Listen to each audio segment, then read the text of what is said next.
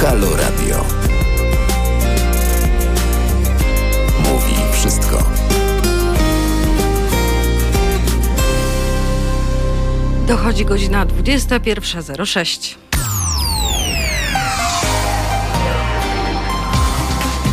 Dobry wieczór Państwu, nazywam się Maja Ruszpel, jestem terapeutką uzależnień, pedagogiem i profilaktykiem.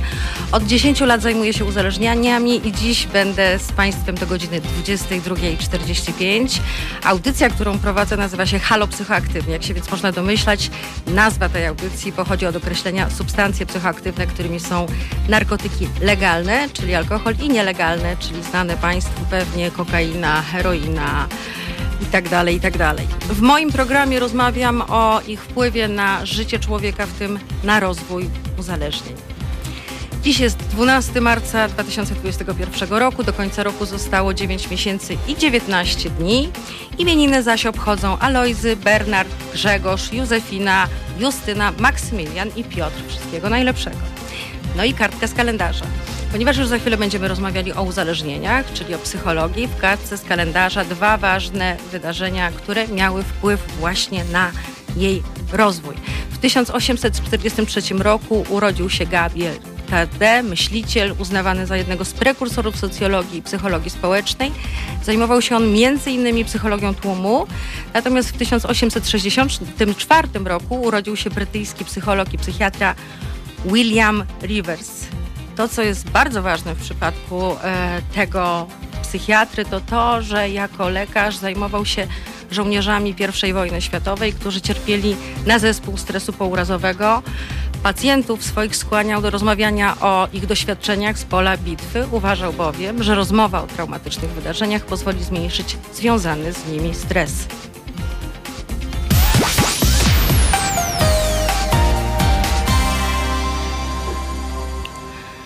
Szanowni Państwo, każdego miesiąca słucha nas od 300 do 400 tysięcy z Was. Jeśli połowa z Was będzie przesyłać nam raz w miesiącu, na przykład 10 zł, to będziemy nie tylko nadawać, ale też cały czas się rozwijać.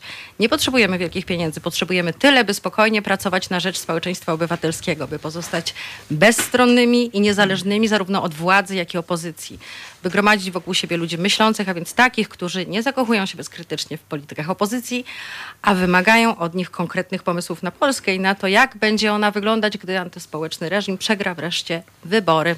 Podaję adres www.halo.radio ukośnik SOS. Dochodzi godzina 21.09. E, tak jak mówiłam przed chwilą, ja się nazywam Maja Ruszpel i są już w studiu ze mną moi goście. E, jest to Sulimir Szumielewicz, psycholog, psychotraumatolog, suicydolog kliniczny, trener umiejętności psychospołecznych oraz Tomasz Górecki, psychoterapeuta i psycholog. Obaj panowie specjalizują się w pomocy osobom w sytuacji kryzysu psychicznego ale też osobom uzależnionym, także behawioralnie, czyli od y, takich czynności jak na przykład hazard, albo seks, albo gry komputerowe. E, zajmujecie się także osobami cierpiącymi na zaburzenia osobowości, myśli e, samobójczej. Co bardzo ważne, e, obaj także dyżurujecie jako interwenci psycholodzy w telefonie zaufania i to w dwóch telefonach zaufania, prawda? Dokładnie tak. E, to są dwa telefony mhm. prowadzone przy Instytucie Psychologii Zdrowia 116 123 i telefon uzależnień behawioralnych 800 889 880. Mhm, a ten pierwszy dotyczy właśnie interwencji kryzysowych. Pierwszy prawda? tak najbardziej interwencyjny, już działa ponad 10 lat. Mhm. Dzisiaj chciałabym w kontekście właśnie takich interwencji kryzysowych porozmawiać o wpływie epidemii na uzależnienia mhm. i e, chciałabym porozmawiać o tym, jaki obraz Polski i Polaków wyłania się z waszych rozmów z ludźmi, którzy do was mhm. dzwonią, no bo nie oszukujmy, e, w moim przekonaniu wasza praca jest bardzo wymagająca. To znaczy, wy się spotykacie naprawdę z najtrudniejszymi problemami ludzi, tak? E, I to, co dla mnie jest ważne też w, w kontekście uzależnienia, bo uważam, że uzależnienie też jest rodzajem e, przeżywanego kryzysu, prawda? A czy moglibyście e, już za chwilę opowiedzieć nam o tym, jak epidemia wpływa właśnie na Polaków i jaki obraz się z tego wyłania? Do usłyszenia za chwilę. Halo Radio. Mówi wszystko. Dobry wieczór jeszcze raz. Maja Ruszpel, ta audycja Halo Psychoaktywnie. Są ze mną już e, Tomasz Kurecki i Sulimir Szmielewicz, e, psycholodzy. E, zapowiadałam przed chwilą, że porozmawiamy o wpływie epidemii na Polskę, Mhm. tak? Bo to już trwa rok. E, Myślę sobie, że dla nas wszystkich jest to już naprawdę bardzo, bardzo trudne. E, Wy pracujecie, bym powiedziała, na takiej pierwszej linii frontu, bo, bo telefon zaufania jest, jak sobie wyobrażam, takim miejscem.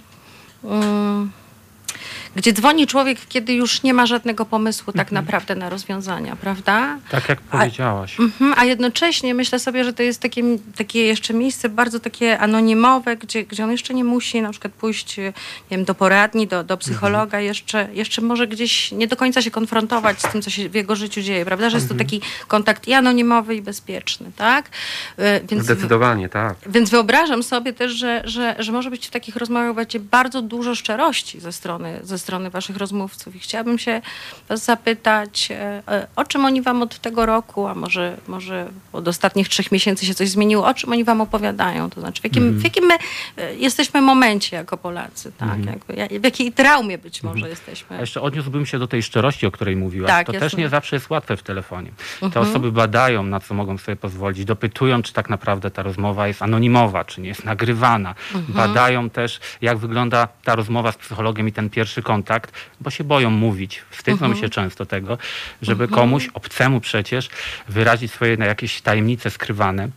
Ale tak wracając do tego, jak zmieniła się, em, jak zmienił się ten obraz Polaków po pandemii, Tak, no bo mówisz, że wy już pracuje, od, od wielu lat pracujecie w To tych telefonach, prawda. więc macie porównanie. Też tak. powiedzmy sobie, że pandemia w ogóle jest takim kryzysem z gatunków środowiskowych, Mhm. E, który może też pogłębiać inne kryzysy człowieka, te indywidualne, tak? Czy te sytuacyjne, czy, czy te jeszcze przewlekłe, Jasne, prawda? jasne. Ale, ale sam, sama ta pandemia to już jest takim kryzysem przewlekłym, można powiedzieć, po roku czasu. Mhm. Ja sama powiem wam, że pamiętam, jak, jak pracowałam w ośrodku i em, gdzieś mniej więcej to było na przełomie maja i czerwca zeszłego roku, po prostu mieliśmy wysyp pacjentów. Słuchajcie, a przychodzili ludzie, którzy na przykład y, mm, nie pili przez 30 lat.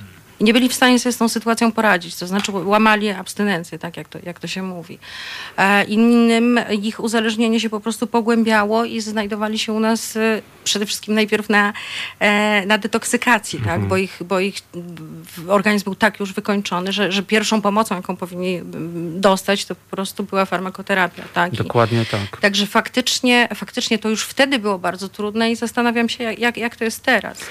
Dokładnie to, co powiedziałaś, Maja. E, Pandemia, można powiedzieć, obnażyła pewne skrywane kryzysy, nierozwiązane wcześniej. Spowodowała, że musieliśmy się skonfrontować i ze sobą, e, i z naszymi bliskimi często, bo gdzieś można było wcześniej odłożyć, zepchnąć jakieś rzeczy, które nam doskwierały, z którymi sobie nie radziliśmy. Mieliśmy jakieś swoje strategie pozornego nawet radzenia sobie z różnymi sytuacjami. Ale kiedy był lockdown, no to te strategie przestały działać. Trzeba było przemodelować system funkcjonowania i rzeczywiście pojawiło się dużo w tych telefonach, myślę, problemów relacyjnych. Relacyjnych w sensie z naszymi bliskimi, żonami, mężami, e, dziećmi. E, także to są rzeczy, które wcześniej gdzieś już się pojawiły, a z którymi wcześniej e, nikt nie miał odwagi być może się skonfrontować. Ale moim zdaniem to jest fantastyczna informacja, bo ludzie się zaczęli zajmować relacjami, a nie uciekać od nich. Ja to zawsze powtarzam po osiatyńskim, że kryzys jest zawsze szansą, tak? I, i, i tu, w, to, w tej pandemii też jest jakiś potencjał. Ale wracając, to znaczy to jest to, co jest najważniejsze, ten obraz Polaków to jest to, że oni sobie po prostu jakby zderzyli się sami ze sobą i ze swoimi bliskimi relacjami i to jest ten główny, główny temat, z którym do was się zwracali, tak? Ja to teraz tak widzę, tak. No, E, tutaj też, e, no, tak jak mówiłaś, uzależnienia się pojawiają. E, Dzwoni też dużo kobiet, mam wrażenie, które po prostu w tym lockdownie i pracy zdalnej zaczęły sięgać na przykład po lampkę wina sobie, no bo przecież nikt tego nie e, sprawdzi. To jest nic złego, no jedna lampka przy pracy relaksuje mnie. Więcej ci powiem, przecież e, rano się pracuje z domu, prawda? Dokładnie. Mhm, tak, faktycznie. To staje się to nawykiem pewnym. Tak. Jak ja pytam, jak pani sobie radzi, no to no, sięgam sobie, piję sobie lampkę wina rano czy przed snem. I to jest niebezpieczne. Staje się pewnym rytuałem, który wiadomo może prowadzić do uzależnienia. Wcześniej tego nie było, bo były ramy społeczne, trzeba było wyjść, e, e, ubrać się, a niektórym twierdzą, że to pomaga, tak? I e, nie tylko kobiety, myślę, ale, ale rzeczywiście ludzie szukają takich na tu i teraz sposobów poradzenia sobie z tą sytuacją, siedzenia w domu. E, I no, sięgają po takie sposoby, które niekoniecznie są e, dobre i nie, które niekoniecznie Są konstruktywne. dokładnie. Mhm. No i czego od was potrzebują? Dzwonią do was i, i, i, co chcieliby od was dostać? Często dzwonią e, i chcą dostać coś innego tak naprawdę. Przede wszystkim się wygadać, zwentylować, Mhm. tak? To słowo już mówione y, t- trochę zmienia też znaczenie, tak? I ta osoba jak siebie słyszy, to też już jakby, jakby inaczej też jest tutaj zdolna do au- autorefleksji, myślę. Ale być może gdzieś tam też y, y, w domyśle potrzebuje y, nadziei po prostu na to, że, że może być lepiej, y, że, że jest jakaś szansa. W tym kontekście to widzę. Bo to też trzeba powiedzieć taką ważną rzecz, że em, telefony zaufania w Polsce istnieją różne, do, do, są dedykowane różnym problemom. W ogóle e, jako taki telefon zaufania na, na świecie to ma już prawie 70 lat historii, tak? I faktycznie e, ta siła rozmowy, prawda, i, i kontaktu z drugim człowiekiem faktycznie, no to też jest w terapii, to się mówi, prawda, że to relacja jest przede wszystkim Lecząca, lecząca, oczywiście, prawda? tak. Czyli ten kontakt z drugim człowiekiem. E, Natomiast też trzeba powiedzieć, że wśród wszystkich miejsc pomocowych faktycznie ten telefon zaufania jest czymś, co jest na pierwszej linii frontu, prawda? Bo nie jest to terapia, tak? To trzeba zaznaczyć. To jest zawsze doraźna pomoc na tu, tu i teraz. To jest poszukanie rozwiązań możliwych i dostępnych dla kogoś, ale to nie zawsze wystarczy. Trzeba to zaznaczyć. Niektórzy niestety e, chcieliby się na tym etapie zatrzymać. Porozmawiam, e, obniżę swoje napięcie, e, ale tak naprawdę to się powtarza, powtarza, powtarza i można się uzależnić nawet od telefonów e, pomocowych. I są takie osoby. tak. I tak. są takie Zdarza osoby. się. Można tak sobie regulować emocje? Dokładnie tak. Tak, mam problem, sięgam po słuchawkę, wentyluję się, y, dostaję jakieś rozwiązania. To działa przez kilka dni i do następnego razu znowu telefon, znowu to samo. Były takie sytuacje, że ja pracowałem w różnych projektach i w różnych telefonach i ta, poznawałem osobę tą samą, która dzwoniła, z tym samym tak naprawdę. I będąc jednego okej. dnia na dyżurze, trafiałem na nią w różnych miejscach nawet kilka razy.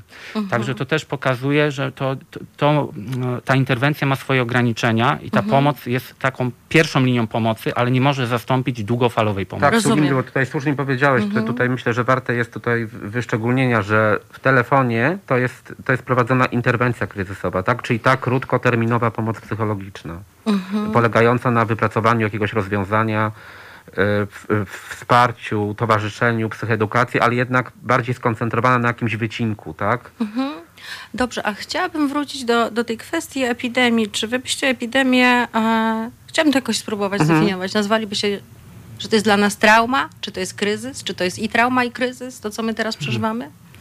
Każdy przeżywa pewnie na inny sposób to, ale rzeczywiście jest to pewien kryzys. Kryzys, no bo zmieniło się całe nasze funkcjonowanie. Tak jak mówiłem wcześniej, no, nasze dotychczasowe formy odreagowywania, które były prawidłowe, przestały działać. Bo, no, nie ma miejsc, nie ma spotkań, nie ma ludzi. E, Przestały istnieć w zasadzie na jakiś, zostały zawieszone. I to stało się z dnia na dzień. Ludzie zostali w nowej sytuacji postawieni, w której zupełnie nie wiedzą, jak się odnaleźć. No, nie każdy ma warunki domowe takie, żeby y, mieć poczucie jakiejś autonomii, e, żeby cały czas e, móc czy pracować w warunkach też, w których może się skupić. Jest dużo problemów też relacyjnych, jeśli chodzi o dzieci. Rodzice się zgłaszają do naszego telefonu uzależnień I to jest behawioralnych. takie nowe, tak? Można powiedzieć, bo E, obok tych kobiet pijących, tak? E, Myślę, że tak, bo powtarza się e, od rodziców to, że tak naprawdę ta pandemia i to nauczanie zdalne spowodowało, że dzieci zaczęły mieć problemy z odstawieniem internetu, z odstawieniem komputera, e, że z tych grzecznych i ułożonych dzieciaków stały się kimś zupełnie innym, który, i rodzice ich nie poznają. Stają się agresywne e, i wcale też e, rodzice nie mają poczucia, że tak naprawdę uczestnicząc w tych zajęciach szkolnych, one tak naprawdę cokolwiek dostają e, z tych treści, bo często rodzice zauważają, że dziecko ma odpalone drugie okno i czatuje sobie z kimś, albo gra, albo robi coś zupełnie innego. Także słyszę to naprawdę w prawie na każdym dyżurze, że to nauczanie zdalne spowodowało duże szkody w, w rozwoju dzieci. W różnym wieku tak naprawdę. A więcej osób uzależnionych się zgłasza? Hmm. Myślę, że telefon e, rzeczywiście ma okresy, w których y, dzwoni częściej. Dużo osób, myślę, też dzwoni bliskich osób Ja mam wrażenie, że jakoś więcej teraz dzwoni w, w, w okresie pandemii, jednak więcej bliskich osób dzwoni. Tak. Bo wiecie co, bo są różne badania, tak, Mhm. które mówią o tym, że przy każdym kryzysie, to były badania tam przy, Mhm. przy, w okresie recesji, to były badania robione po zamachu na World Trade Center, że sprzedaż alkoholu zawsze wzrastała. Tak? Ale no właśnie, jeżeli mamy ten kryzys środowiskowy, lockdown, czy jak to nazwiemy, izolację, no to, y, to taka osoba, która jest potencjalnie, tak, może być uzależniona, y, ona będzie szukała raczej środka, czyli raczej potencjalnie będzie rozwijała swoje uzależnienie, żeby sobie zredukować napięcie na przykład, y, ten obniżony nastrój. Będzie chodziła do tego sklepu, tak? Będzie, chodzi, będzie grała w gry internetowe, hazardowe niż, e, niż, niż szukać, tak? Niż, niż będzie szukać roz, tych, tych rozwiązań po prostu, tak? E, Natomiast e, tutaj e, jest taki problem osób bliskich, które teraz tutaj mogą łatwo zidentyfikować problem u osoby, u żony, u męża. Ale to wiecie, to trochę tak znaczy, jakbyśmy zaczęli siebie też lepiej widzieć. Dokładnie Tak, tak. bo tak jest właśnie. Tak? Widzieć siebie, siebie wzajemnie i swoje Chcieć własne problemy. widzieć, bo mam wrażenie, że, że często jakieś sygnały są niepokojące, tylko nie chcemy, nie chcemy się z nimi konfrontować, bo nie wiemy, co zrobić, jak zareagować. A tutaj no, wychodzi, żona widzi, że mąż siedzi i coś tam e, klika w komórce, w komputerze i, i, i nagle już nie ma tego ucieczki, nie, nie, nie może sobie tego zracjonalizować, tak? No, bo widzi go ciągle, tak? No a przedtem nie miała czasu, prawda, żeby tego czasu, dostrzec. no, ludzie się mijają, tak, mają swoje obowiązki i, i nagle jest takie, ojej, co ja mam z tym zrobić? Czy, czy, to, czy, czy to już jest problem i, i, i pojawia się niepokój. Też ja myślę sobie, że e, to się też zmienia, że w telefonach, że ludzie zaczynają dzwonić, kiedy pojawia się już jakiś kryzys na początku, bo z, z mojej takiej praktyki wynika, że często w tym telefonie dzwonią już osoby, które rzeczywiście doświadczały już trudnych stanów, czy depresyjnych, czy lękowych, czyli nie zwróciły się po pomoc też w początkowej fazie kryzysu, bo trzeba e, powiedzieć, że depresja, czy stany depresyjne, czy uzależnienia często są e, objawem nierozwiązanego wcześniej kryzysu psychicznego. Stąd to się bierze. I póki nie zareagujemy w miarę wcześniej, no to to prowadzi do, do różnych zmian psychopatologicznych tak zwanych. Więc myślę, że teraz częściej dzwonią osoby właśnie już na tym początku, co się niepokoi i szukają tej pomocy. Zmienia się, myślę, też świadomość, różne są kampanie społeczne. E, także to też się chyba zmieniło na przestrzeni e, Ale tych lat. wiecie co, ja myślałam, że my będziemy rozmawiali tutaj o jakichś bardzo, bardzo takich, bym powiedziała, przybijających nas, nas e, e, tematach, informacjach. Mhm. Natomiast ja mam wrażenie z tego, co wy mówicie, że, że ten kryzys gdzieś zaczął ludzi mobilizować do szukania rozwiązywania problemów. No, tak jak powiedziałaś wcześniej, no, kryzys jest szansą. Tak. Szansą w roboczym ubraniu Tak. e, i może być rozwojowy. E, czyli motywuje ludzi też do działania, do szukania tej pomocy. Więcej się mówi o tej pomocy psychologicznej, myślę, i ludzie zaczynają zauważać, że taka istnieje, że taka jest możliwa, że jest ona skuteczna e, i, i też no, być może nie są w stanie już uciekać od tych problemów, bo nie ma gdzie uciec tak naprawdę. A jakbyś mógł powiedzieć krótko, bo, bo za chwilę zrobimy krótką przerwę. mm, Jak ludzi przekonać, że kryzys może być rozwojowy? E, e, Ludzie w kryzysie zazwyczaj bardzo cierpią, czują się bardzo samotni, nie znajdują rozwiązań, więc właściwie no jak, jak można osobie takiej, która nas teraz słucha i z piątek wieczór siedzi sama w domu, powiedzieć, że to jest szansa, a nie coś, co będzie trwało i będzie cierpieniem bez końca na przykład. jest szansą, jeśli y, będzie przerobiony, że tak powiem kolokwialnie, czyli przepracowany.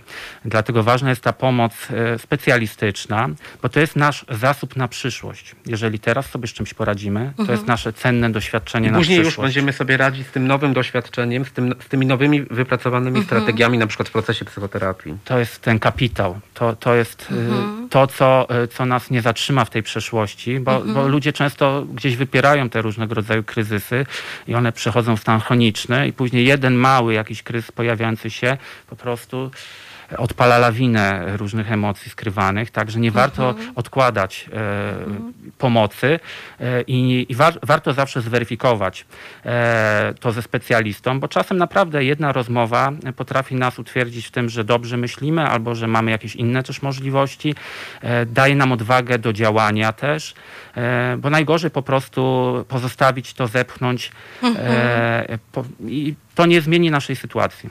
Tak, to prawda i myślę sobie, że jednym z takich, e, jedną z takich bardzo trudnych emocji, która ludzi hamuje przed szukaniem pomocy jest wstyd. I chciałabym zacząć e, po chwili przerwy rozmowę właśnie o tym, co to jest za trudne uczucie i jak można sobie z nim radzić. Czekamy na Państwa komentarze przy naszej transmisji na YouTube i na Facebooku. Nasz adres e-mail teraz małpahalo.radio. Maja Ruszpel, e, wracamy do rozmowy w audycji Halo Psychoaktywni. E, Moimi gośćmi jest e, Sulimir Szumielewicz i Tomek Górecki. Obaj są psychologami, obaj są interwentami kryzysowymi. Rozmawiamy o tym, jak przeżywamy epidemię, co ona właściwie w nas i otwiera, ale też co, co może być destrukcyjne, a co może być też szansą w związku z epidemią. I rozmawiamy o szukaniu pomocy, ponieważ epidemia jest e, takim momentem kryzysowym dla wielu z nas, e, konfrontującym nas z różnymi bardzo poważnymi problemami, e, no i też wymuszającym szukanie rozwiązań. E, Ja podzielę się z Wami swoim doświadczeniem ze swoimi pacjentami. Właściwie może poza dwoma, jacy mi teraz przychodzą do głowy, e, w pierwszym kontakcie, kiedy przychodził do mnie pacjent uzależniony, to był, to był człowiek ogromnie zawstydzony, właściwie przestraszony, z jakimś poczuciem ogromnej przegranej. I myślę sobie, że ten wstyd, tak, e, o którym powiedziałam, jest takim, takim uczuciem, które e, wielu z, wielu, wielu z nas może po prostu hamować przed szukaniem pomocy, bo na przykład jest tak, że kurczę, nie dałem rady, to jestem taki słaby, nie? To, to jest coś takiego, człowiek nie chce, prawda? Nie chce sobie myśleć o, o sobie, że jest, że jest słaby. Czy moglibyśmy zacząć od tego, żeby nazwać, czym jest wstyd i dlaczego jest tak trudnym uczuciem dla ludzi? Przeżywanie tego wstydu. Mm. Ja myślę sobie, że wstydowi towarzyszy w ogóle ogromne cierpienie. E, tak naprawdę I, i lęk tak naprawdę też przed pokazaniem siebie, przed obnażeniem jakichś skrywanych e, tajemnic. E, hmm.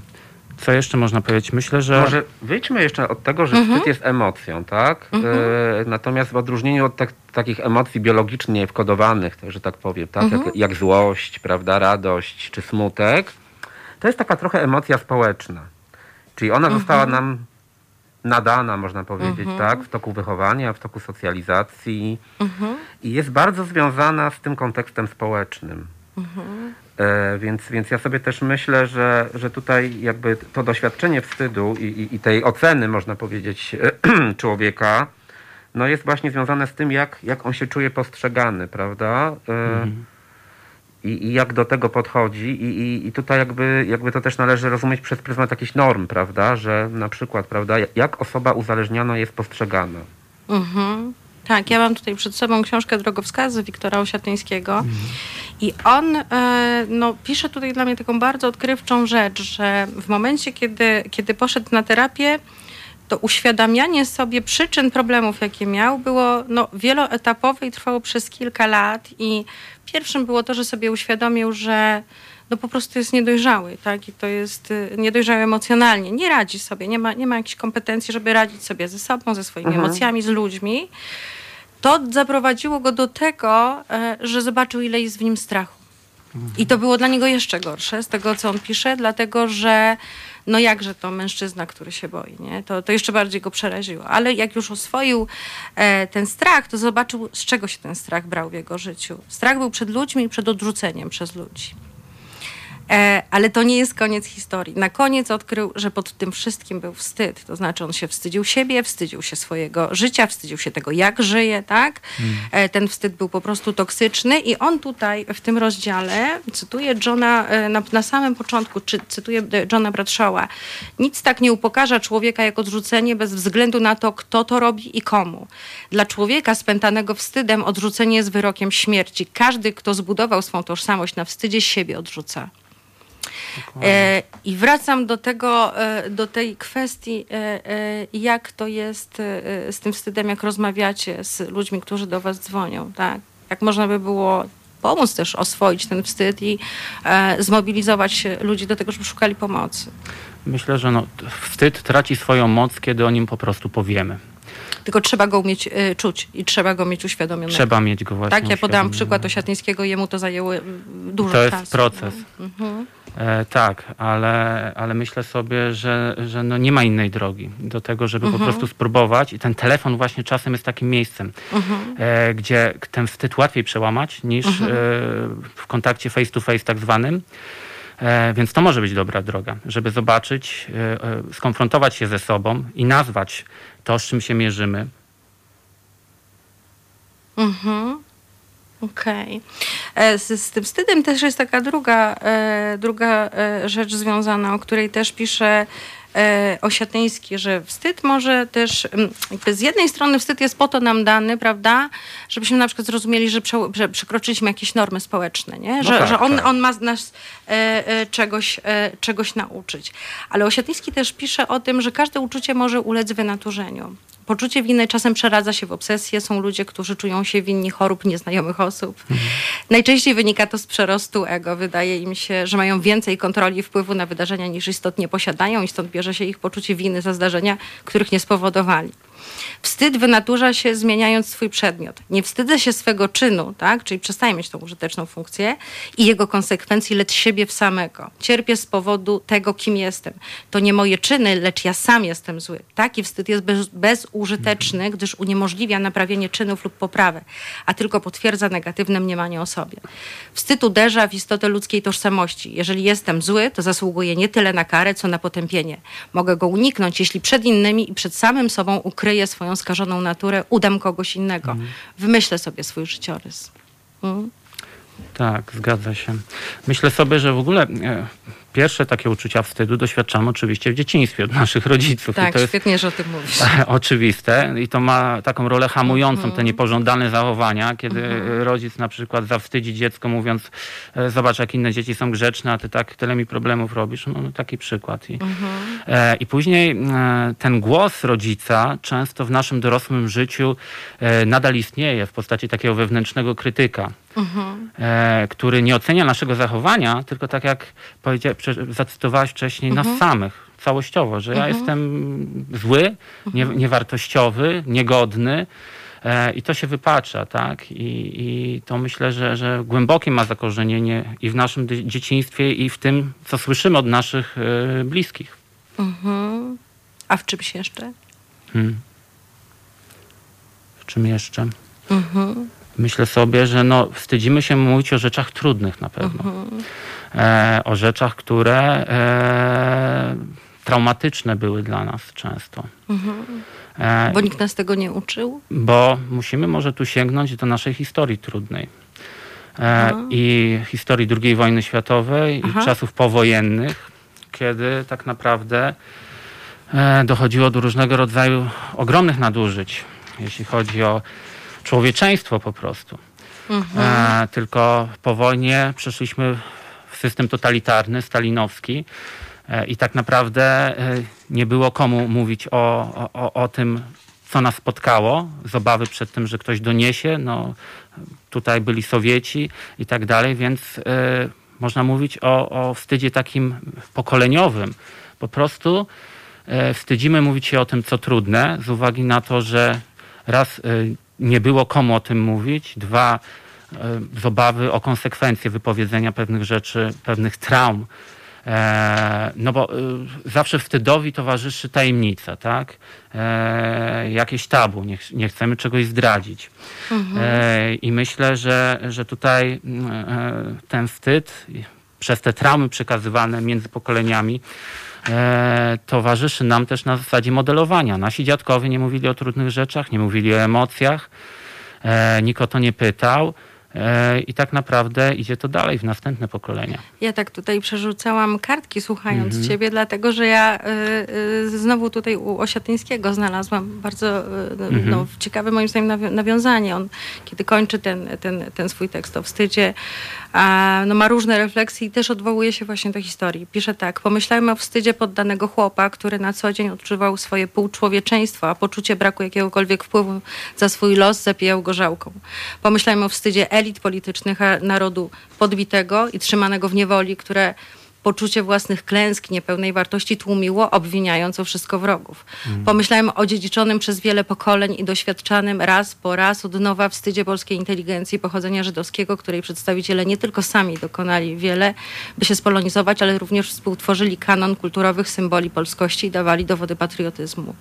Niemniej jednak stale słyszeli od prawdziwych Polaków, że nie należą do narodu, że stanowią obcą, gorszą i wroką mniejszość.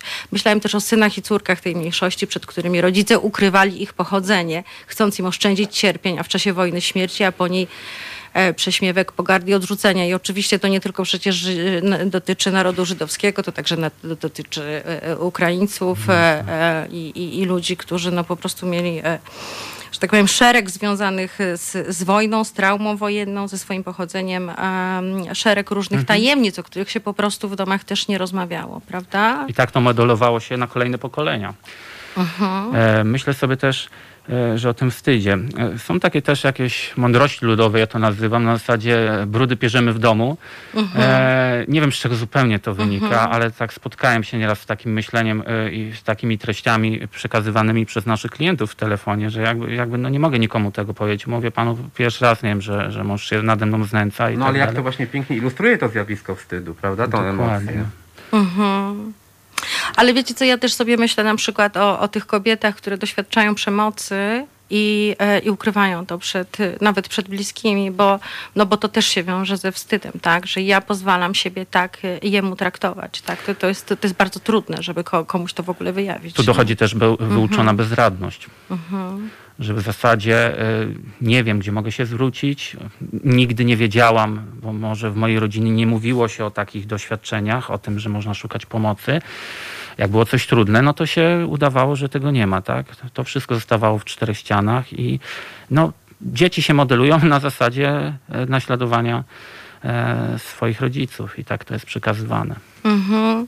Pisze do nas pan Dariusz e, e, Wilk, e, jak rozumiem, odnosi się do, do tego, czego potrzebuje osoba zawstydzona, uzależniona. Pisze, ta osoba potrzebuje ludzkiego kontaktu, bezkrytycznego. Uzależnienie to rodzaj ucieczki. Jest systemem obrony u, u kogoś przerażonego rzeczywistością.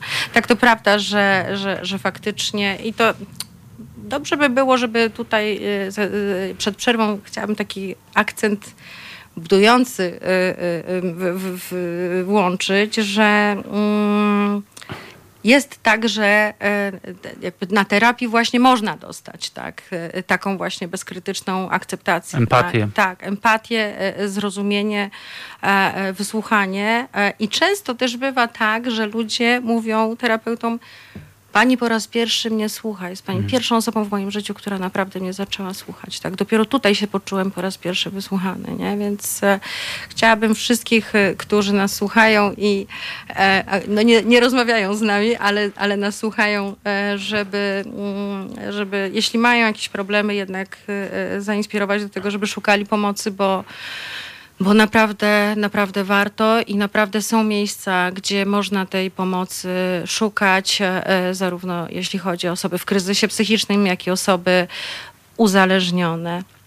Za chwilę do tej rozmowy e, wrócimy. E, w następnej godzinie też chciałabym porozmawiać nie tylko o uzależnieniu od alkoholu, ale też o uzależnieniach, które wcześniej zapowiadałam, czyli czynnościowych, behawioralnych, bo e, ich skala także rośnie, także w związku z epidemią, szczególnie mam na myśli uzależnienie od hazardu w internecie i od pornografii w internecie. Do usłyszenia.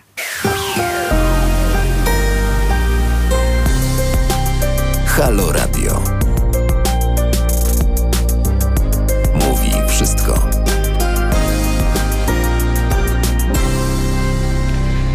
Ja nazywam się Maja Ruszpel i prowadzę audycję Halo Psychoaktywni. E, będę z Państwem do godziny 22.45. Będą też ze mną e, Sulimir Szumielewicz i Tomasz Górecki, e, psycholodzy interwencji kryzysowej. Dzisiaj wieczorem rozmawiamy o wpływie epidemii na uzależnienia i o sposobach pomocy osobom, które doświadczają kryzysu, którym na przykład uzależnienie się też pogłębiło przez epidemię. I rozmawiamy też mm, o tym, jak trudną uczuciem jest e, wstyd. To znaczy wstyd rozumiany jako taka pierwsza bariera przed szukaniem pomocy, ale też taka pierwsza bariera przed zdaniem sobie sprawy z tego, że może sobie już nie radzę, może e, faktycznie tutaj nie daję rady, ale też co jest bardzo ważne, myślę, w kontekście całej tej rozmowy, mm, to to, że taki kryzys i takie przełamanie wstydu też jest jednocześnie szansą na zmianę życia, e, na poprawę jakości tego życia i tak naprawdę czymś, co nas e, przemienia i, i może e, ostatecznie, ostatecznie mm, wzmocnić.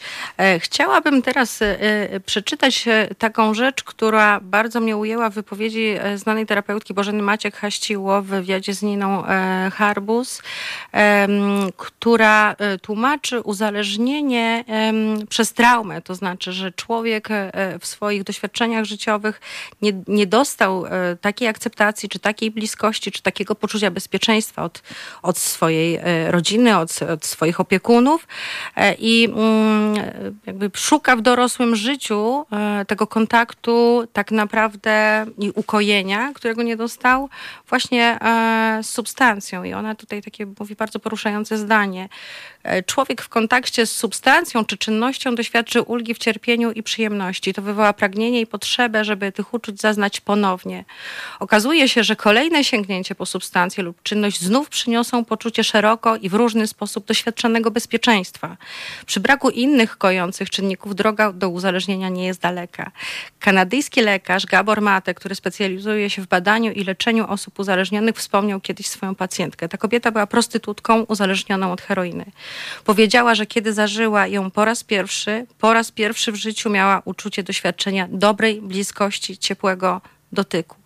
Pacjenci bardzo często opowiadają, że kiedy zażywają, to czują się bezpieczni, wolni, schronieni.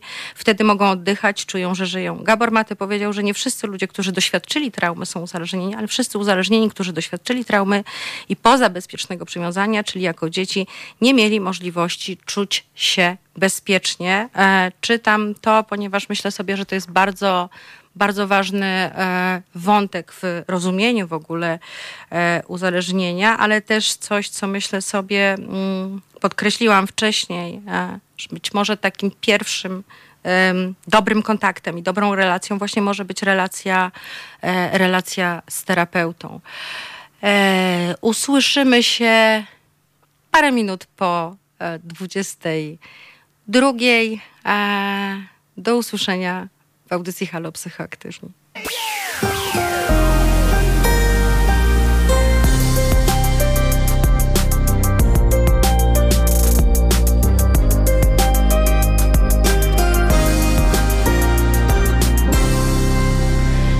Ponownie Maja Różbel przed mikrofonem. E, ze mną są Tomasz Górecki i Sulimir Szumielewicz. Obaj panowie są interwentami kryzysowymi i psychologami. Rozmawialiśmy przed e, wiadomościami o roli wstydu. E, I to takiego wstydu toksycznego, tak? Mhm. Nawet jest taka książka, Toksyczny wstyd, właśnie Johna Bradshawa, którego wcześniej cytowałam. I tej kwestii, jak wstyd jest destrukcyjny, przestaje pełnić tą, tą funkcję, e, w którą nas natura wyposażyła. Tak? chciałam e, przeczytać jeszcze raz Wiktora Osiatyńskiego. Uważam, że, że to jest e, naprawdę bardzo, bardzo głębokie, co, co on pisze. A pisze tak: Człowiek przesiąknięty wstydem boi się własnych uczuć. Gdy poczuje złość, strach lub pożądanie, wstydzi się jeszcze bardziej i tłumi te uczucia. Czasem dokonuje oszustwa emocjonalnego, zastępując jedno uczucie drugim, bardziej akceptowanym, na przykład złość lękiem. W efekcie coraz większa część tożsamości, która przecież najpełniej wyraża się w uczuciach, zostaje zablokowana, a jej miejsce zajmują wyuczone wyrazy innych uczuć. Gdy przestanę dostrzegać granice między ja prawdziwym i granym, nie będę już wiedział, kim jestem. Będę tylko czuł, że jestem gorszy od innych i gorszy od siebie, takiego, jakim być powinienem. Człowiek spętany wstydem ma trudność z tym, by o coś dla siebie poprosić, bo w głębi duszy uważa, że mu się nic nie należy, a ponadto boi się odrzucenia. I wracamy znowu do Mhm. ludzi poszukujących e, pomocy. Myślę, że, że, Mhm. że to, co teraz zacytowałam, bardzo się może odnosić do, do, do ich stanu emocjonalnego. Tak, prawda? e, to prawda. Ludzie po prostu boją się niezrozumienia. Często mówią też, że ich problemy Mhm. e, są w porównaniu do innych jakieś, jakieś mało ważne, że inni przecież mają gorzej, bo to często się słyszy od naszych bliskich. Co się przejmujesz? Przecież tam ludzie mają jeszcze gorzej. Więc, więc Daj se spokój, mówią tak, ogarnij się. Weź się w garść, to jest takie bardzo sztandarowe. Olej to. Jest jeszcze takie Olej dobre. to, tak. ta- tak, więc no, jeżeli słyszymy to naszy, od naszych bliskich, no to myślimy sobie, kurczę, no, jestem tak beznadziejny, beznadziejna, że nie potrafię sobie poradzić i zapada, zapadamy się w sobie i to ta wyuczona bezradność się pojawia, o której mówiłem. No po prostu tkwimy w sytuacji, w która nam się wydaje bez wyjścia. E, Nawet nie próbujemy, bo ja zawsze mówię, że tylko metodą prób można zweryfikować to, czy y, jest szansa na zmianę, czy nie. Bo to, że ktoś sobie zakłada, że moje działanie nic nie zmieni, to jest tylko wyobrażenie, bo nigdy tego nie spróbował. I każda próba, nawet nieudana, spowoduje, że można poszukać innego rozwiązania. Ale niektórzy w telefonie zakładają, kiedy omawiamy różnego rodzaju strategie poradzenia sobie i możliwości na podstawie tych wypowiedzi, bo my tego nie proponujemy, ale rozważamy, czasem ukierunkowujemy. Niektórzy mówią właśnie, nie, to nic nie da. Nie, nikt mnie nie wysłucha, nikt mnie nie zrozumie.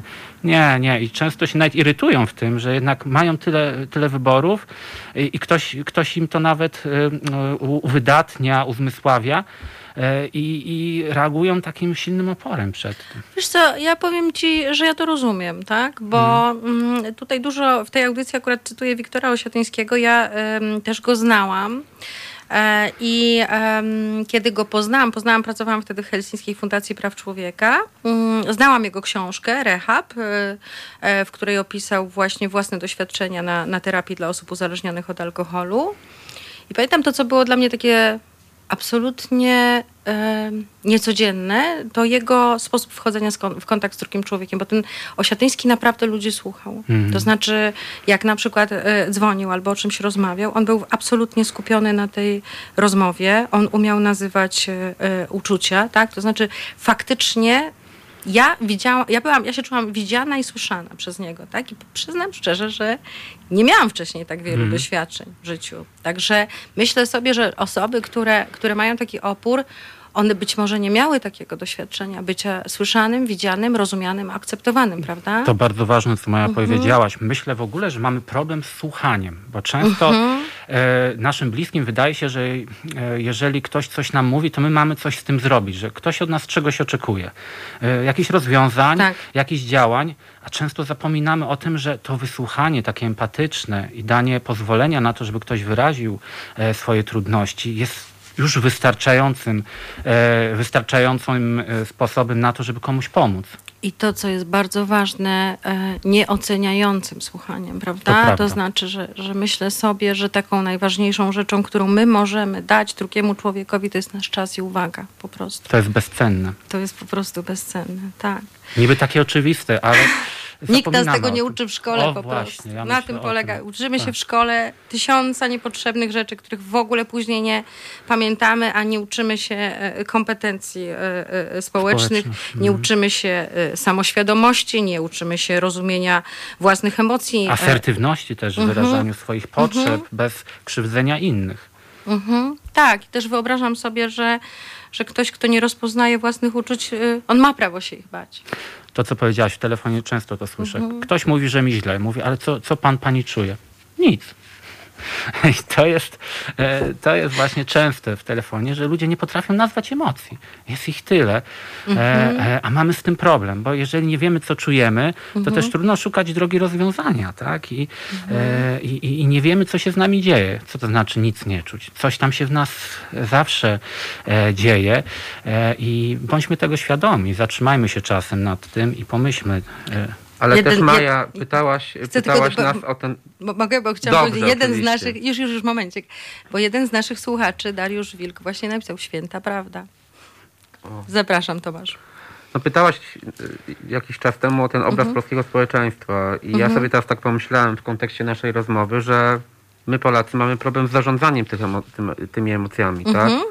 Co to Czyli a- znaczy zarządzanie emocjami? Może to... Zarządzanie, no albo to jest tłumienie w wersji polskiej, czyli jakby my ich nie wyrażamy, czyli to w kontekście naszej rozmowy tutaj, albo też wyrażanie w sposób mało intensywny, albo nieadekwatny, albo zbyt intensywny, tak? Czyli na przykład złość wyrażamy y, intensywnie, albo wcale jej nie wyrażamy, bo taki mamy przekaz społeczny, prawda?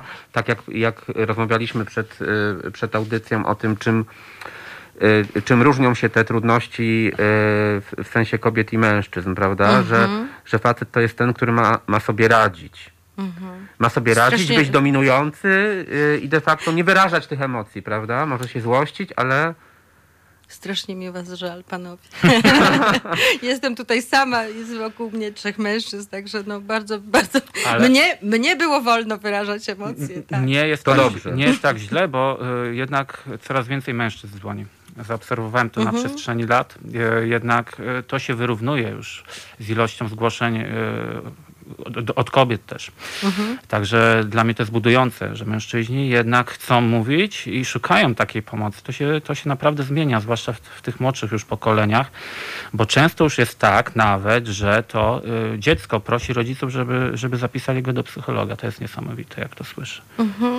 Chciałabym porozmawiać w kontekście wstydu o takim, myślę, że najbardziej wstydliwym uzależnieniu, jakie, mm, jakie się pojawiło w ostatnich e, e, czasach i też zostało e, wpisane do, do ICD-11, czyli do takiej klasyfikacji Światowej Organizacji Zdrowia, klasyfikacji chorób i zaburzeń, a mianowicie coś, co też e, mam wrażenie społecznie jest bardzo niewłaściwie rozumiane, a mianowicie uzależnienie od seksu. Mhm. Ja sama byłam świadkiem e, nie tak dawno e, wykładu na jednej z akademii, nie powiem na której, nie powiem czy, czym.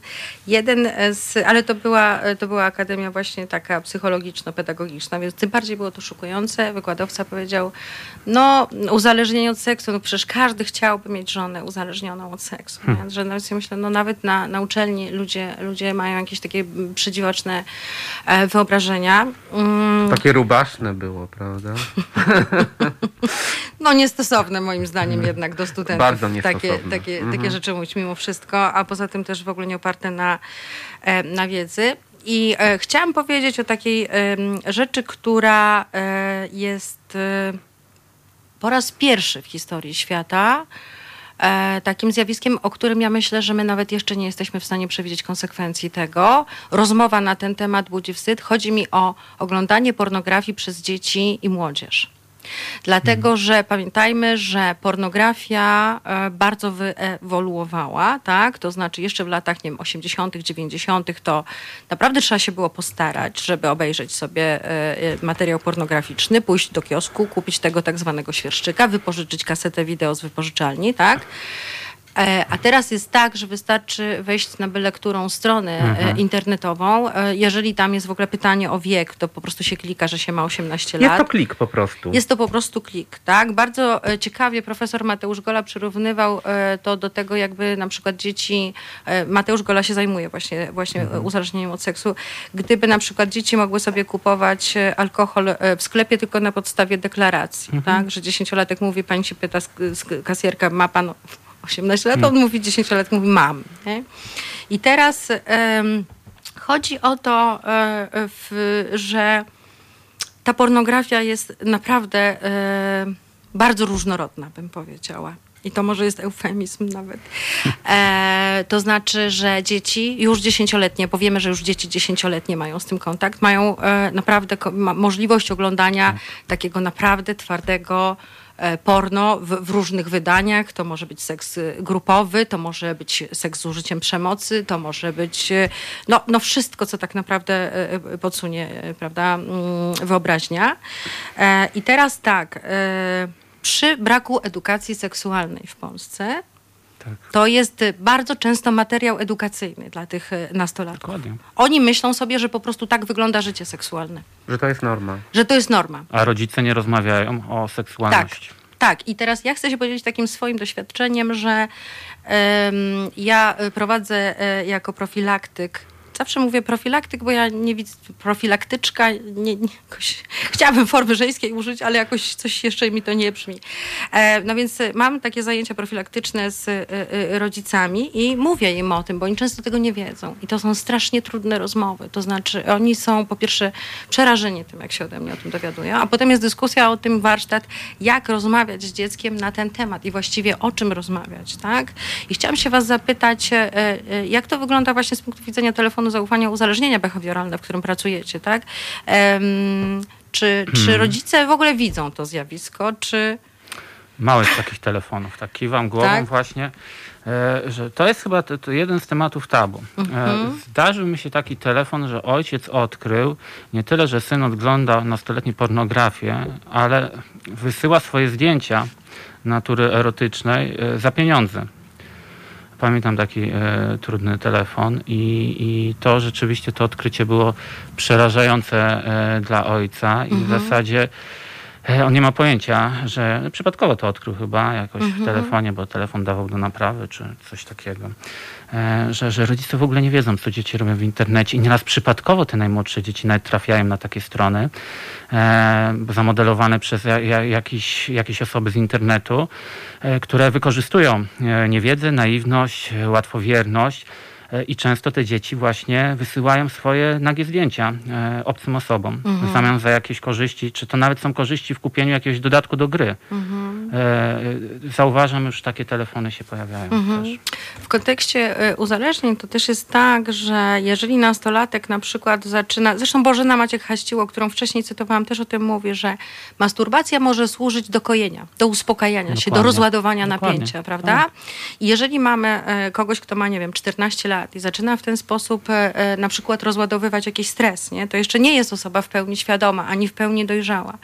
To jest takie niebezpieczeństwo, nie musi oczywiście tak być, ale jest takie niebezpieczeństwo, że e, oglądając coraz częściej te materiały pornograficzne, wiadomo, że one bardzo mocno oddziałują na mózg, tak, że wiemy o tym, że te dzieci, które oglądają to, wiemy o tym, że one się przy tym masturbują. I teraz, jeśli to się stanie jakimś właśnie mechanizmem nałogowego regulowania uczuć, mm -hmm, tak? Mm -hmm. e, w sensie nałogowego, czyli powtarzającego się e, i, i stanie się to czynnością właśnie, która mnie koi, która mnie rozładowuje, która mi pomaga, to w przyszłości to może się przerodzić w uzależnienie, prawda? Dokładnie tak. I takie telefony mm -hmm. też się zdarzają ze wstydem mhm. mówią te osoby, nie wiedzą jak zacząć. Ja nazywam pewne rzeczy, mhm. E, bo nawet nie przychodzi słowo pornografia niektórym przez usta, mhm. masturbacja to już w ogóle, ja to mhm. nazywam. E, czy to chodzi o masturbację po prostu I, i wtedy jakby jest takie poczucie zrozumienia i to zaczyna się ktoś otwierać. No tak, to jest ten element właśnie interwencji, kiedy my sami nazywamy, prawda, i ten wstyd też oswajamy jednocześnie. Mhm. Pytamy wprost na przykład. Ale czy można powiedzieć, że właśnie uzależnienie od seksu jest takim uzależnieniem, o którym jest najtrudniej y, mówić y, osobom, których to dotknęło? Tak, tak. W sensie, tak. jakby porównując, często, mm, ono nie jest oswojone, prawda? Tak, nie, nie jest oswojone totalnie i często też jak są takie telefony, to, to na przykład dzwoni pan, który, czy, czy nawet ktoś młody, -hmm. prawda? Co zrobić? Czyli mówi w liczbie trzeciej, prawda? W, w trzeciej osobie. Tak.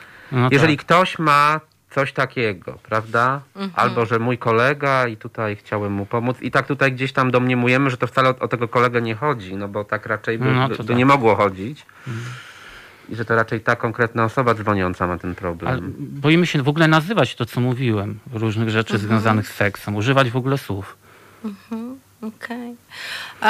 Porozmawiamy e, po chwili przerwy jeszcze o uzależnieniu od seksu, ale też chciałabym nawiązać do tego, co ty, Sulimier, powiedziałeś na początku o wpływie pandemii też na mhm. relacje pod takim kątem, że dzieci ciągle siedzą przed e, internetem, bo faktycznie mieliśmy przed pandemią bardzo jasne wytyczne, e, ile w, e, mając tyle i tyle lat dziecko powinno mm, tak. maksymalnie spędzać czasu przed tymi mediami elektronicznymi, natomiast to się wszystko załamało i to jest faktycznie bardzo duży problem e, e, dla rodziców, e, bo, bo właściwie tak naprawdę to już nie wiadomo, jak sobie z tym, z tym wszystkim radzić. I to też są takie głosy, które ja bardzo często jako terapeutka i jako osoba prowadząca zajęcia profilaktyczne bardzo często słyszę.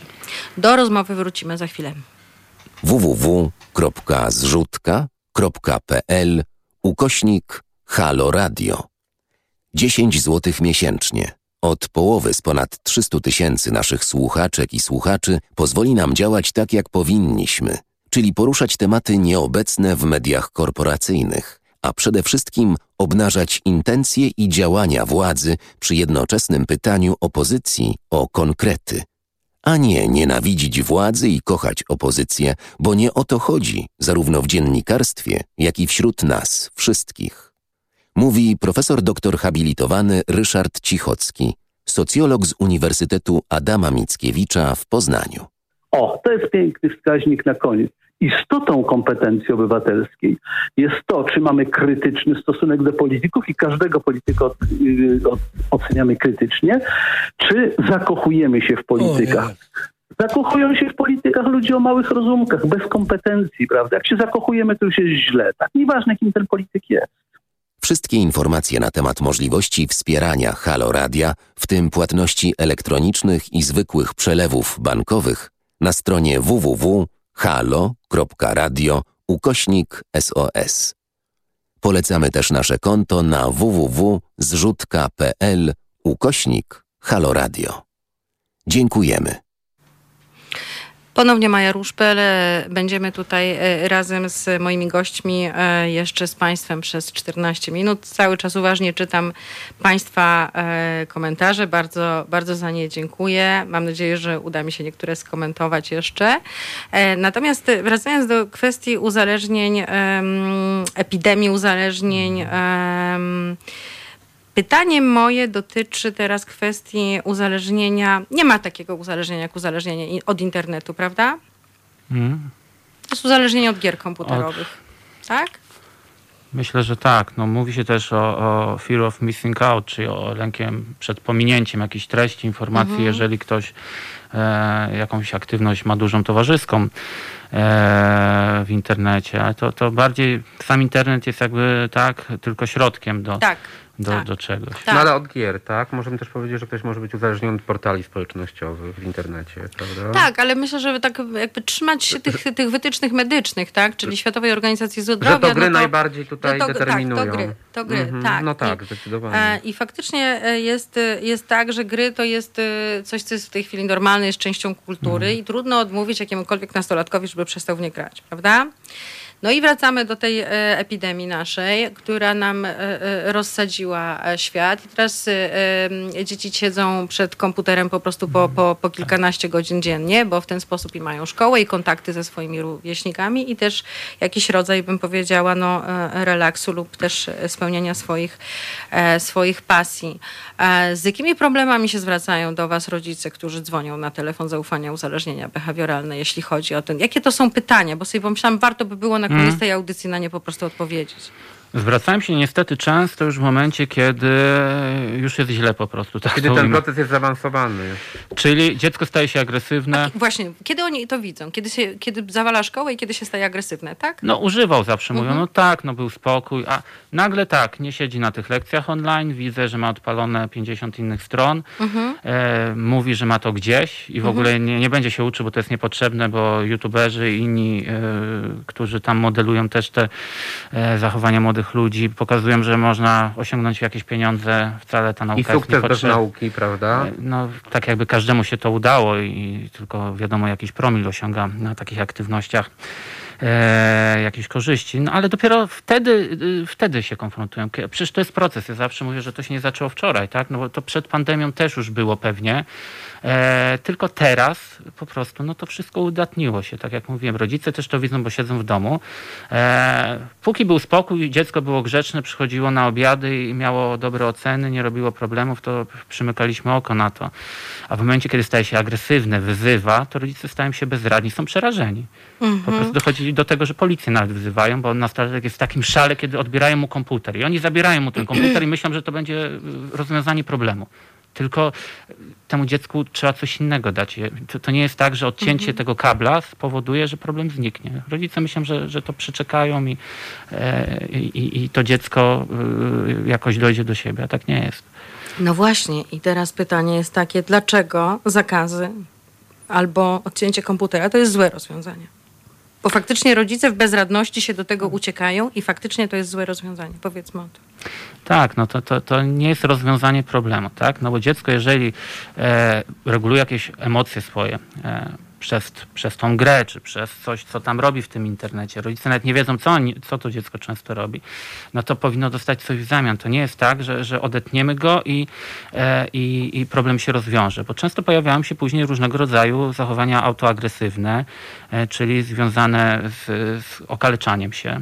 Bo dziecko nie radzi sobie z tymi emocjami trudnymi, nie umie ich zwentylować, nie jest tego nauczone e, i, i, i czuje się ukarane przez rodziców. Czyli oni się stają dla niego kimś wrogim, nienawidzi ich, on, on, o to mówi, no bo mhm. za, za, zabraliście mi mój świat, to co, co mnie trzymało, co pozwalało mi rozładować emocje. Ale właśnie albo trzeba o to pytać, co tam tak mhm. naprawdę jest, co ten nastolatek tam dostaje, dlaczego mu to jest, tak ważne, bardzo potrzebne, tak. że bez tego nie może żyć. Jeżeli jakby Dokładnie. nie dojdziemy do tego, no to mhm. wszelkie próby zabierania mu, no... Mhm. Mhm będą się wiązały z agresją i z jakimiś takimi strasznie negatywnymi zachowaniami, tak? No. opozycyjno-buntowniczymi. No. Myślę, że po prostu dziecko się będzie czuło odrzucone, nierozumiane, tak? tak? Tym bardziej, że um, faktycznie y, jest tak, że ja rzadko słyszę, żeby rodzice, ja się pytam tych rodziców, mhm. z którymi rozmawiam, czy wy w ogóle wiecie, w co oni grają i dlaczego to jest dla nich ważne? Dokładnie. No to tam pojedynczy rodzic tak, powie, jaka że to wie. jest gra, jaki to jest typ gier, prawda? Tak. Czy to jest gra społecznościowa, czy to jest gra jakaś, tak. nie wiem, y, z agresją, prawda? Mhm. Tak. A to jest bardzo ważne, co tak. to jest konkretnie. Tak, myślę sobie, że też nie chcę tutaj obwiniać rodziców, ja myślę sobie, że to jest taka trochę przepaść pokoleniowa po mm. prostu, nie? Że, że, że um, może się wydawać, że ta gra to jest jakiś taki po prostu, no nic, nic nieznaczący element, a często to jest po prostu część e, Przecież w te gry się gra też e, w większych grupach, tak, prawda? E, interakcji, jakieś tak. część rzeczywistości, tak. funkcjonowania. Może dla naszego pokolenia możemy rozdzielić ten świat wirtualny od tego realnego, a dla tych dzieciaków no to, to jest już spójne wszystko. ale często też te problemy e, dzieci dzielą rodziców, bo jeden rodzic jest bardziej uległy. Ja zawsze o tym mówię, że państwo musicie mieć, powinniście mieć, bo może musicie, to jest złe słowo, mhm. jednoznaczną postawę wobec dziecka. Tak, Jeżeli... Tak, I konsekwentną, tak, spójną postawę a rodzice między i, sobą się jeszcze przypychają i tak naprawdę dziecko też jest rozchwiane w tym wszystkim, nie wie jak reagować i manipuluje też często rodzicami. Rodzicami, tak. No tak, no tak, ale to, to, jest, to jest typowe. W każdym razie, wracając do tego, co, co myślę sobie, że taki rodzic y, warto, żeby wiedział, to po pierwsze, um, że faktycznie e, zabieranie mu tego jest dla niego karą tak naprawdę, bo też pamiętajmy o tym, że ten świat w tych grach naprawdę jest cudowny. Tam jest mm. tyle bodźców, tyle kolorów, tam się tyle dzieje, że e, Wyobraźmy sobie, jakby nam coś takiego cudownego, co jest dla nas ważne, e, e, zabrać, nie? Co my byśmy czuli. I teraz nagle ten nastolatek jest od tego odcięty, no i zderzony z taką codzienną, bym powiedziała, rzeczywistością, która jest, no nie ukrywajmy, dużo bardziej nudna od, mm. od, tej, od tej gry, tak? E, I myślę sobie, że to, co jest bardzo ważne, to właśnie, żeby rodzice rozmawiali e, ze swoim dzieckiem, tak? Co jest e, takiego istotnego w tej grze, dlaczego, dlaczego mhm. ono tyle czasu tej grze poświęca, prawda? Mhm. Myślę sobie, że, że ta jednak nie kara, a akceptacja, prawda? Mhm. mhm. Akceptacja i komunikacja otwarta. To, co mhm. powiedziałaś przed chwilą, Maja. Mhm. I też bardzo ważna rzecz, y, też się dużo o tym nie mówi, żeby na przykład te gry były dostosowane do wieku, o, tak? tak? Dlatego, że y, y, nie dziwmy się, że na przykład dziecko może być agresywne po jakichś grach, jeżeli one są niedostosowane hmm. do jego wieku, prawda? Tam jest za dużo bodźców, albo są e, jakieś rzeczy związane, nie wiem, z, z seksem, z, z przemocą, tak. są wulgaryzmy. To jest niedostosowany po prostu do jego rozwoju. Hmm. Dokładnie tak. Ale też chciałabym, żebyście to skomentowali. Hmm. Rodzice tak, tak naprawdę, tak jak powiedziałaś, no, mhm. nie wiedzą często, co ich dziecko robi. To przede mhm. wszystkim mhm. jest ważne, żebyśmy e, sprawdzali tak naprawdę. Zaufanie to ok, ale, ale to jedno. Wiedza to co innego. Rodzicom często się wydaje, że, że ich pociechom nic nie zagraża, że, że przecież to są ułożone dzieci, ale tak naprawdę nie rozmawiają z dziećmi i o zagrożeniach w internecie, nie weryfikują tego. E, dla nas dorosłych pewne rzeczy są oczywiste, ale to nie znaczy, że, że, że dla naszych dzieci. My też, e, to pokolenie rodziców powinno się też uczyć tego internetu i dostrzegać nowe zagrożenia i, i posiadać wiedzę, ale dzięki rozmowom z dzieciom mogą ją posiąść, tak? I wtedy też buduje się jakaś relacja z dzieckiem. Mm, tutaj pan Dariusz Wilk taką, taką ważną uwagę e, napisał na naszym czacie. Przykład idzie z góry. Jak e, rodzic siedzi przy komputerze, czy patrzy w telefon, to jaki przykład daje? To tak? jest bardzo ważna uwaga, Mhm. oczywiście. No, to, to jest to modelowanie, o którym mówię ciągle. No, jeżeli siedzimy, jemy nawet z komórką, komunikujemy się z komórką, bo są domy, że, że ludzie do siebie piszą zamiast, zamiast rozmawiać, bo ktoś jest na górze, ktoś na dole. E, też spotkałem się z takimi sytuacjami, więc to pokazuje, że, że no, dzieci nas naśladują. No, i, e, jeżeli rozmawiamy z dzieckiem z głową w laptopie, no to, to, to rzeczywiście Mhm. to, to jest obraz tego, że, że dzieci będą potem powielać te zachowania. Mhm. Ale mm, wracając do tego, od czego, od czego Mhm. zaczęliśmy, prawda? Bo e, em, powoli będziemy kończyć już dzisiaj naszą rozmowę. E, mam wrażenie takie, że epidemia z jednej strony jakby obnażyła różne nasze słabe punkty, słabe strony, tak? Ale jednocześnie właśnie myślę sobie, że to jest jakiś dar tej epidemii, że To jest szansa też. Mhm, że to tak strasznie wszystko długo trwa, że chyba nie sposób już to przeżywać w jakiejś frustracji i takim chaosie i takiej niewiedzy właściwej bezradności, tylko że jesteśmy już tak tym zmęczeni, że Mhm. zaczynamy szukać rozwiązań. Nie wiem, czy, czy się z tym zgodzicie. Tak, jak najbardziej. No, kiedyś mogliśmy uciec, tak jak mówiłem wcześniej, od czegoś, od problemów, od kryzysów. E, teraz e, jest tym trudniej. To jest taki czas, żeby rozwiązać rzeczy, które były gdzieś zepchnięte, z którymi nie chcieliśmy się konfrontować, baliśmy się. To jest ten czas, żeby, tak jak mówiłem, przemodelować nasz sposób codziennego funkcjonowania i może odnaleźć sposoby też, które e, dają nam jakieś roz, rozładowanie ukojenie, które zarzuciliśmy wcześniej z jakichś tam powodów. Możemy odkryć je na nowo albo zupełnie nowe rzeczy e, odkryć, które, które dają nam e, poczucie tych, tej wentylacji tych emocji, odprężenia. I i to jest, tak jak mówiliśmy na początku, ten kryzys może być szansą, tylko od nas zależy, jak go wykorzystamy i czy będziemy sięgali po pomoc w sytuacjach, kiedy pojawią się już na początku jakieś wątpliwości, problemy czy trudności. Mhm. Solimir, ty jesteś interwentem kryzysową.